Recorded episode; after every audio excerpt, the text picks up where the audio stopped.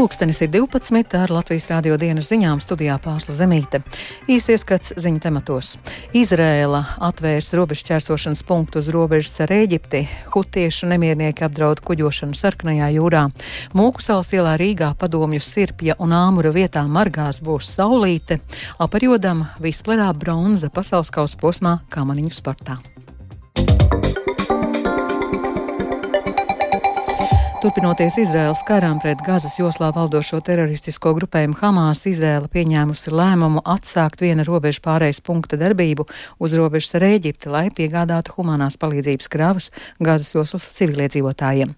Tikmēr pieaug Jemenas šītu, hutiešu nemiernieku radīts apdraudējums kuģošanai Sarkanajā jūrā, stāsta Rustam Šukūraus.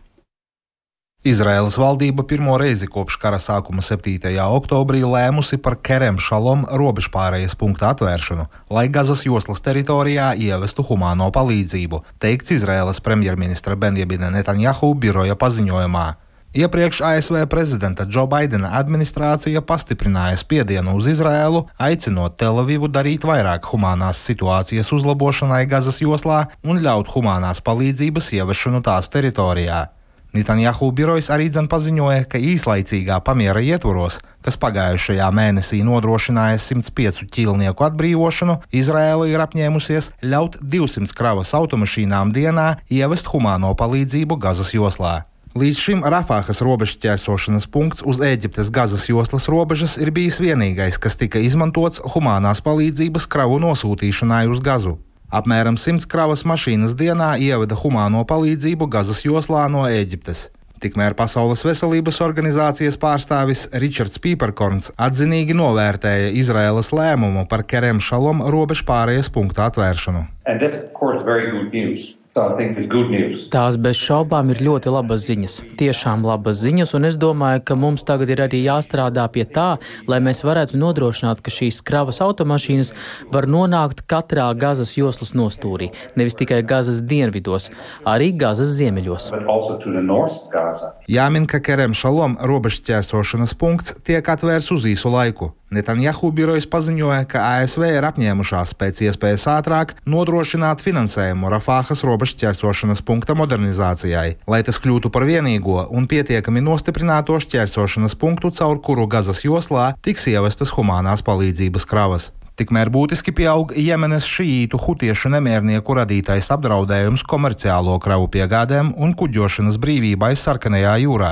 Irānas atbalstītie nemiernieki vakar īstenojuši raķešu uzbrukumus diviem konteineru kuģiem Babelmandeba šaurumā. Kāda vārdā nenosaukta Pentagona amatpersona pavēstīja ziņu aģentūrai Associated Press, ka pirmajā uzbrukumā hutiešu palaistā raķete trāpīja kuģim, kas kuģoja zem Vācijas karoga, izraisot tā bojājumus un aizdegšanos. Savukārt dažas stundas vēlāk vēl viena hutiešu palaistā raķete trāpījusi kuģim MSC Platinum.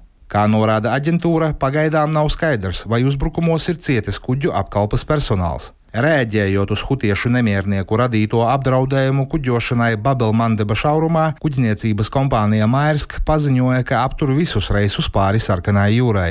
Pēdējie uzbrukumi komerciālajiem kuģiem šajā rajonā ir satraucoši un rada ievērojumus draudus jūrnieku drošībai, teikts Mairska paziņojumā.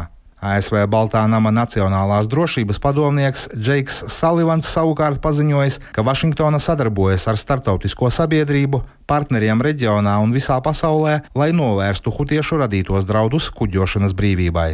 Rustam Šukurovs, Latvijas Rādio.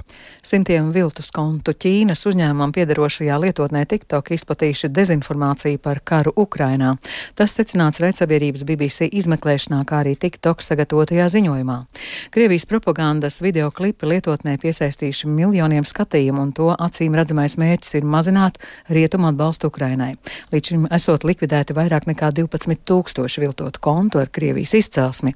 TikTok lietotāji vairākās Eiropas valstīs valstīs ir bijuši pakļauti nepatiesiem apgalvojumiem, ka Ukrainas augstākās amatpersonas un viņu radinieki pēc Krievijas plaša mēroga iebrukuma iegādājušies ārzemēs luksusa automašīnas un vai villas.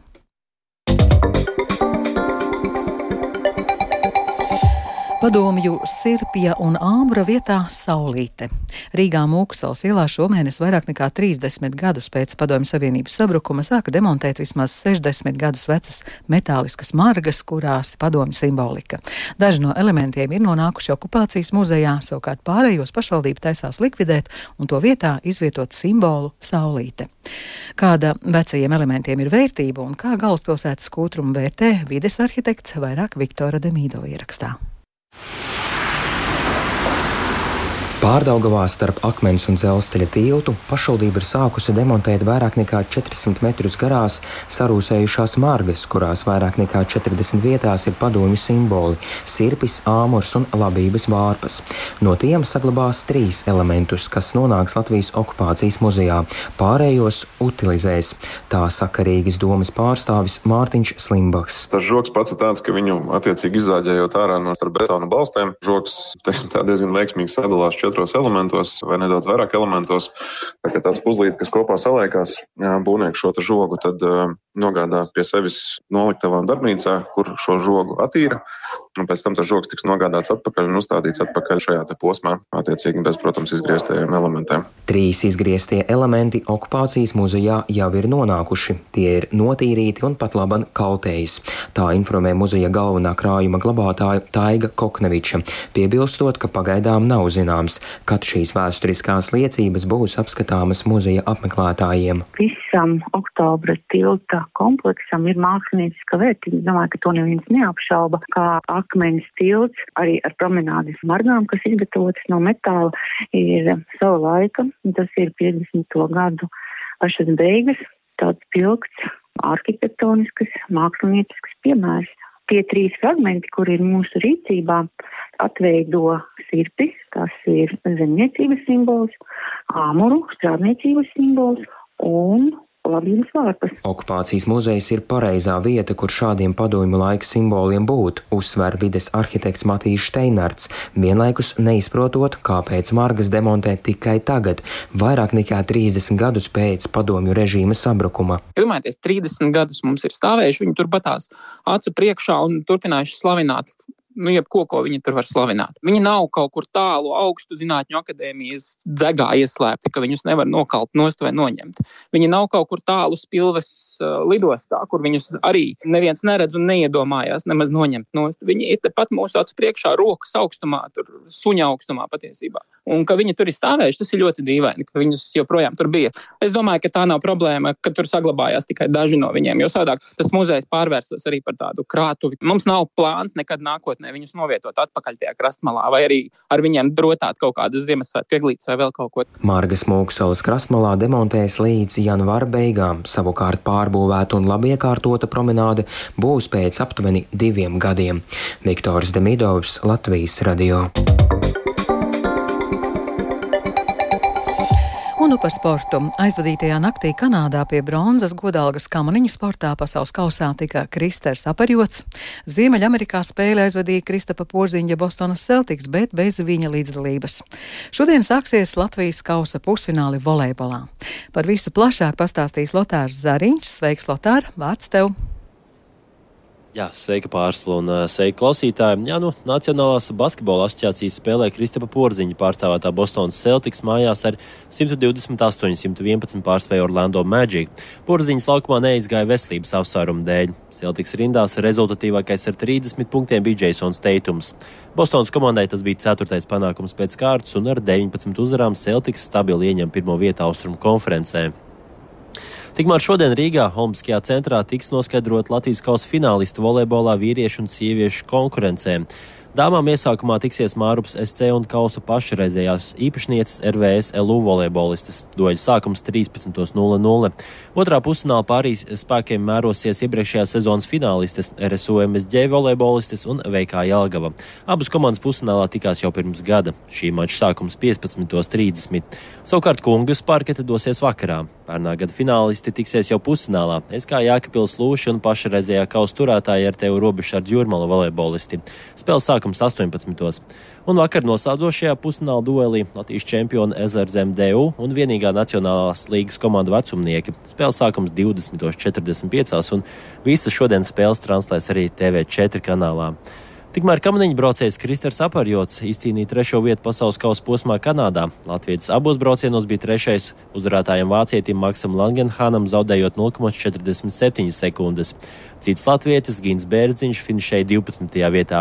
Sezonas pirmajā posmā pagājušajā nedēļā Lekplasidā Aparjots bija sastais pamats sacensībās, kā arī sprinta kausā, bet Bērziņš ierindojās 16. vietā.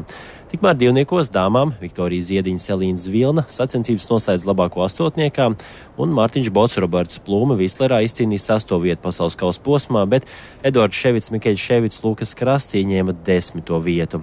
Tāpat šodien Austrijā divas Latvijas bobsleja divnieku ekipāžas mēros spēkus pasaules kausa trešajā posmā.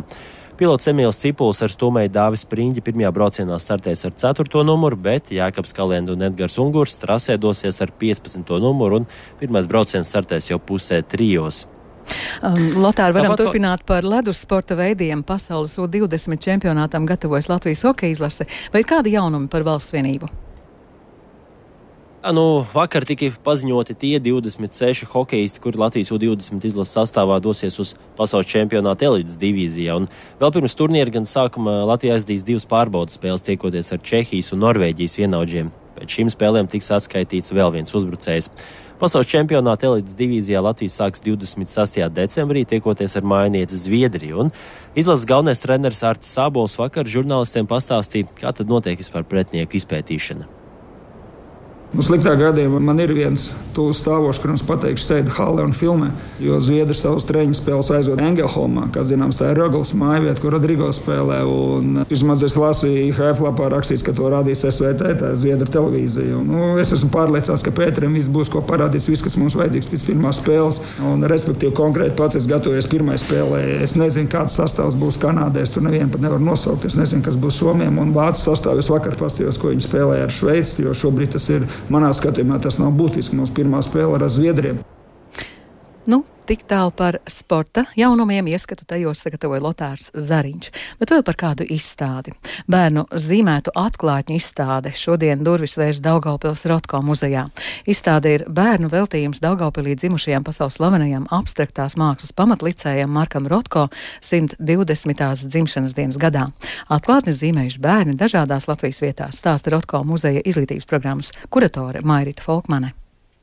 Tā kā 120 gadi, 120 atklātnes, šie darbi ir ļoti dažādi. Sākot no tādas pilnīgas abstrakcijas, kas atgādina paša mākslinieka Rotko darbus, beidzot ar figurālām, portretiskām kompozīcijām, kas atveido varbūt arī ar līdzību portretiskumu ar Rotko centieni. Tāda ir tāda sirsnība jūtama.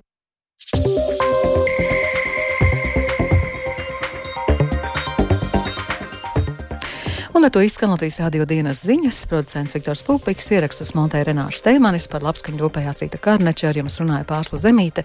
Īsi ieskats svarīgākajos tematos.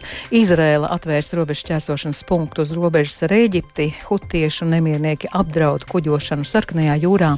Mūkusals ielā Rīgā padomjas sirpja un āmuru vietā margās būs saulīte un aparjodam Vislerā bronza pasaules kausa posmā kamaniņu sportā. Yeah.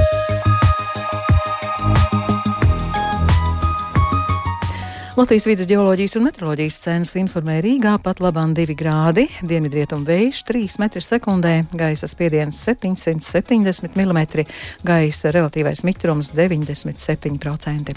Šodien Latvijā lielākoties mākoņains, pa laikam nokrišņi, galvenokārt lietus valsts austrumos arī slapjš sniegs, sniegs, austrumos iespējama atkala, ceļi slideni un iestājoties spēcīgam atkusnim no netīrītajiem jumtiem, kritīs sniegs un lāste, kas jābūt ļoti uzmanīgi spēkiem. Dienvidu rietumu rietumu vējš 4, 8, jūras piekrastēs 6, 11 m2 un brāzmās 15, 17 m2. Gaisa temperatūra šodien plus 1, plus 6 grādi. Rīgā pēcpusdienā lietus, dienvidu rietumu rietumu vējš 4, 7 m2, gaisa temperatūra plus 2, plus 4 grādi. Laika tips šodien otrais - labvēlīgs.